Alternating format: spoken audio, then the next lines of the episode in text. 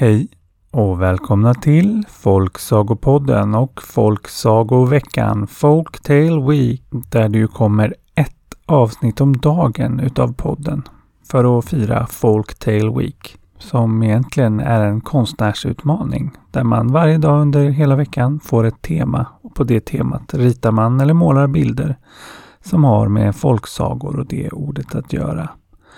Och precis som tidigare år så har Folksagopodden parat sig ihop med en illustratör. Och i år är det ju Elin Aller, vår alldeles egen husgrafiker.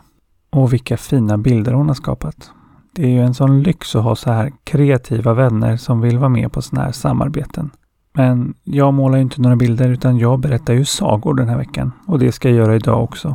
Och dagens tema, det är sleep, alltså sömn. Och dagens saga, den heter Den sovande prinsen och den kommer här.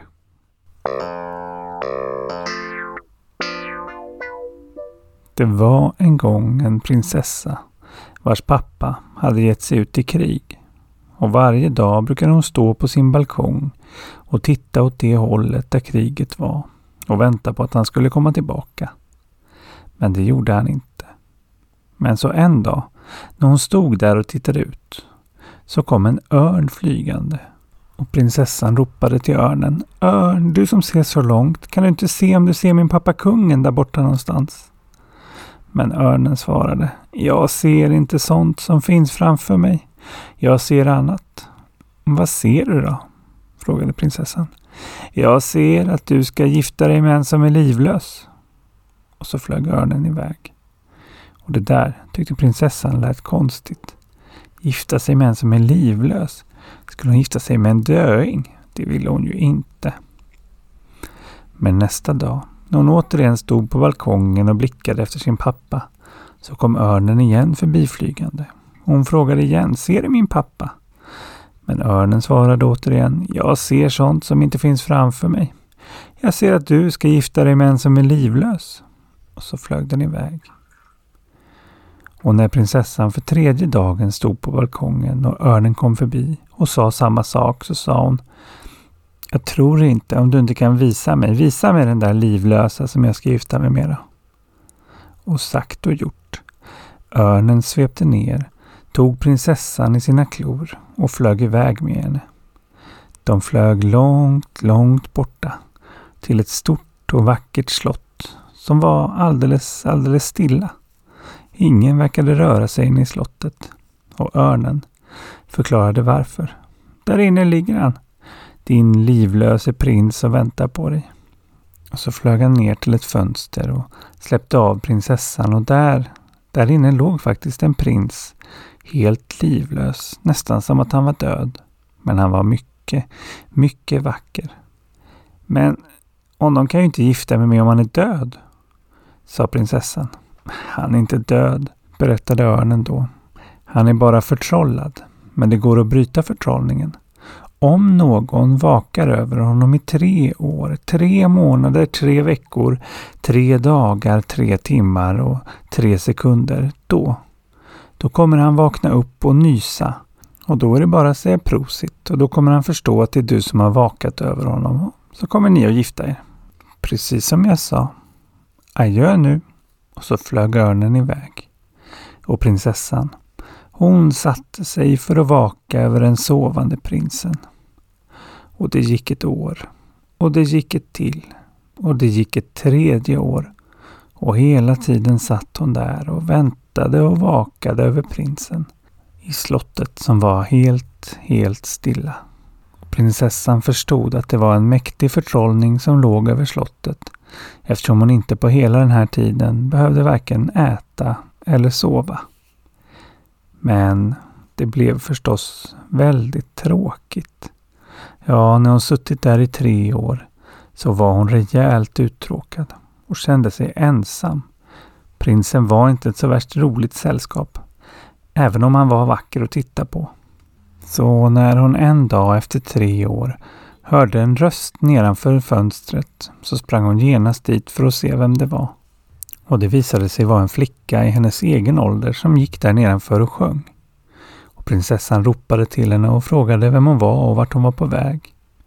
Och hon förklarade att hon inte var någon särskild och inte var på väg någon särskild stans. Och så började de prata med varandra och prinsessan förklarade varför hon satt där uppe i slottet. Och flickan nedanför frågade om hon ville ha sällskap. Och det ville ju prinsessan verkligen ha. Så den andra flickan kom upp och nu var det plötsligt mycket mindre tråkigt. Nu hade hon någon att prata med, någon att umgås med och de blev såklart riktigt goda vänner. För där satt de tillsammans och vakade över prinsen i tre hela månader. Och när de tre månaderna gått så var de såklart allra bästa vänner. Men till slut blev det lite tråkigt också, tyckte prinsessan som ju redan suttit där i tre år. Och hon började gäspa och skruva på sig, även fast platsen verkade göra att man inte behövde sova. Och flickan föreslog att de kanske ändå skulle ta sig en liten lur. Ja, flickan kunde ju fortsätta vaka så länge och väcka henne om det hände något. Men prinsessan lät sig inte övertalas. Inte på tre hela veckor i alla fall. Men till slut kände hon att ja, en liten tupplur vore kanske skönt. Och hon la sig ner och sov. I tre dagar, tre timmar och tre sekunder. Och då, då vaknade prinsen och nös. Och vem satt där om inte flickan som snällt sa prosit. Ja, hon hade lurat prinsessan och nu, nu var det hon som fick prinsen. Ja, prinsen förstod genast att den som sa prosit måste ju vara den som har vakat över honom. Så han friade med en gång. Och flickan, hon sa ja så högt och glatt att det väckte prinsessan. Och prinsen, som inte ens hade märkt att det var någon mer i rummet, undrade förstås vem det var som vaknade nu. Och prinsessan, hon ville förstås förklara att det var hon som hade vakat så där länge. Men flickan avbröt henne genast och sa det där är eh, gåsvaktarflickan. Hon skulle just gå ut och vakta gässen. Och prinsessan, som var kvicktänkt. Hon förstod snabbt hur allting hängde ihop. Att hon hade blivit grundlurad. Och att det nog inte var någon mening att säga emot den hon trott var hennes kompis. Hon såg nämligen i hennes ögon att hon, hon var beredd att göra vad som helst för att behålla sin nyfunne prins. Så hon fann sig helt enkelt i att bli gåsvaktare. Ja, någonting var hon ju tvungen att göra hon var ju långt ifrån sitt gamla hem nu. Och när prinsen vaknat hade också resten av slottet vaknat. Och deras första uppdrag, det blev att ställa till med en bröllopsfest. Och det gjorde de. Snart blev det bröllop mellan prinsen och flickan som hade tagit prinsessans plats. Och inte långt därefter upptäcktes det att prinsen inte längre var prins utan faktiskt var kung. För hans pappa kungen hade nämligen inte varit på slottet när förtrollningen lades över det. Så han hade blivit kvar utanför och åldrats och dött. För prinsen, han hade varit sovande mycket, mycket länge. Och han var mycket, mycket glad att han hade blivit väckt av sin snälla nya fru som hade vakat över honom så, så länge. Ja, så glad var han att han inte ens märkte att hon faktiskt inte var en speciellt trevlig person. Men en som var det. Det var gåsvaktarflickan och kungen såg ofta till att ha ett ärende förbi gåsvaktarstugan för att prata lite extra med henne. Och så gick några månader och kungen hamnade, som kungar ofta gjorde på den här tiden, ja, kanske fortfarande också ibland, i krig. Och han skulle vara tvungen att resa bort långt bort och kriga.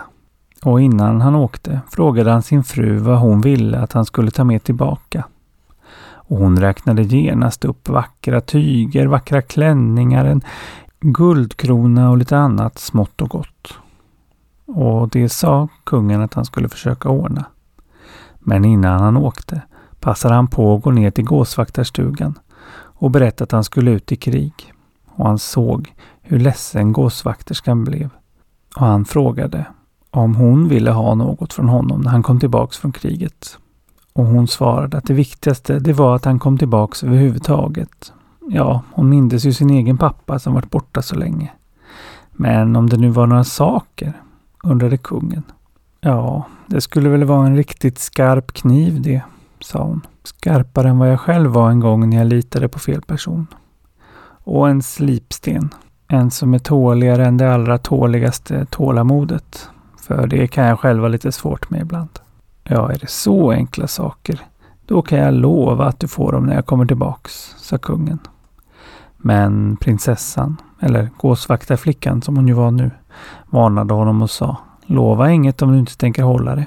Men kungen sa Jag lovar att ingenting kan få mig att åka hem förrän jag hållit det jag lovat dig.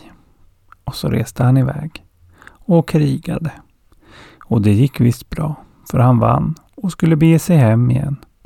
Och då köpte han guld och vackra tyger och en krona till sin fru som han hade lovat. Och så skulle han börja bege sig hem men hans båt ville inte åka. Fast han hade vind i seglen stod den alldeles stilla och han förstod ingenting. Tills han kom på sitt löfte. Han hade inte ordnat någon skarp kniv och inget tålig slipsten heller. Så han begav sig genast iväg för att skaffa det. Och så fort han hade med sig det ombord på båten så satte den iväg med en väldig fart. Och snart var han hemma igen och kunde lämna över sina presenter till sin fru. Och hon blev mycket glad över de vackra tygerna och över klänningen och över sin guldkrona. Ja, och kanske var hon också lite glad över att se kungen. Men någon som var riktigt glad över att se honom, det var gåsvaktarflickan. När han lite senare den dagen gick förbi henne för att lämna över hennes presenter så såg han hur hon riktigt strålade över att han var tillbaka. Ja, presenterna var hon visst också lite glad över, men mest verkade hon glad över att självaste kungen kommer tillbaks. Och så tackade hon för presenterna och gick in till sig. Och hon började genast att prata med sina gåvor. Nu ska ni få ge mig råd. Du skarpa kniv och du tåliga slipsten, berätta för mig hur jag ska göra. Det är nämligen så att jag inte alltid varit en gåsvaktarflicka. En gång i tiden var jag en prinsessa och jag trodde jag skulle få gifta mig med en prins. Just den prinsen som skaffade hit er. Och jag vakade över honom i tre år och tre månader och tre veckor innan jag blev lurad av den som han nu är gift med. Hon fick mig att somna och tog på sig hela äran och nu är jag bara en gåsvaktare här. Säg mig nu, skarpa kniven och tåliga slipstenen, vad ska jag göra? Och den skarpa kniven, den började genast prata och sa Det är bara att hugga ihjäl dig själv. Det kommer aldrig bli bättre än så här. Eller ännu bättre. Hugg ihjäl drottningen. Eller kungen. Eller hugg ihjäl vem som helst. Sa den skarpa kniven som visst var lite blodtörstig. Men den tåliga, tålmodiga slipstenen, den sa Ha bara lite tålamod så ska du se att det ordnar sig. Och stenen, den hade nog väldigt rätt. För just då knackade det på dörren och prinsessan öppnade och där utanför stod kungen. Ja, han hade nämligen inte gått tillbaks till sig utan stått kvar utanför och lyssnat och hört alltihopa.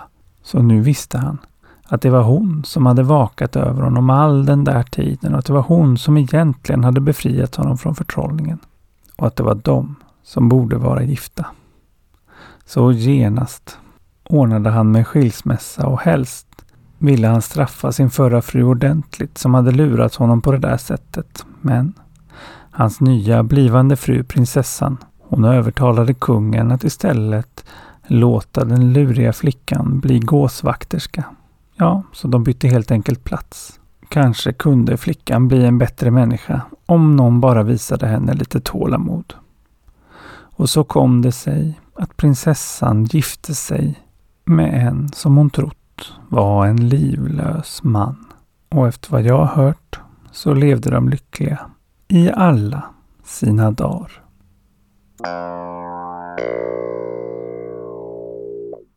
Vilken lurig kompis. Och vad jobbigt att sitta vaken i tre år, tre månader, tre veckor, tre dagar, tre timmar och tre sekunder bara för att glo på någon som ligger och sover. Ja, även om det nu var en magisk vakenhet så hade nog jag velat sova lite under den tiden. Och det var ju allt från dagens folksagopodd. Men vi är ju tillbaks redan imorgon med en ny saga ett nytt tema och en ny illustration. Och vill man se fler folksagobilder på temat sleep, alltså sömn, ska man kolla in hashtaggen Folktale Week 2023. Och vill man kolla in fler grymma grejer som Elin har gjort så hittar man länkar i avsnittbeskrivningen och via poddens Instagram som ju heter just Folksagopodden. Vi hörs igen imorgon och tills dess, lev lyckliga i alla era dagar.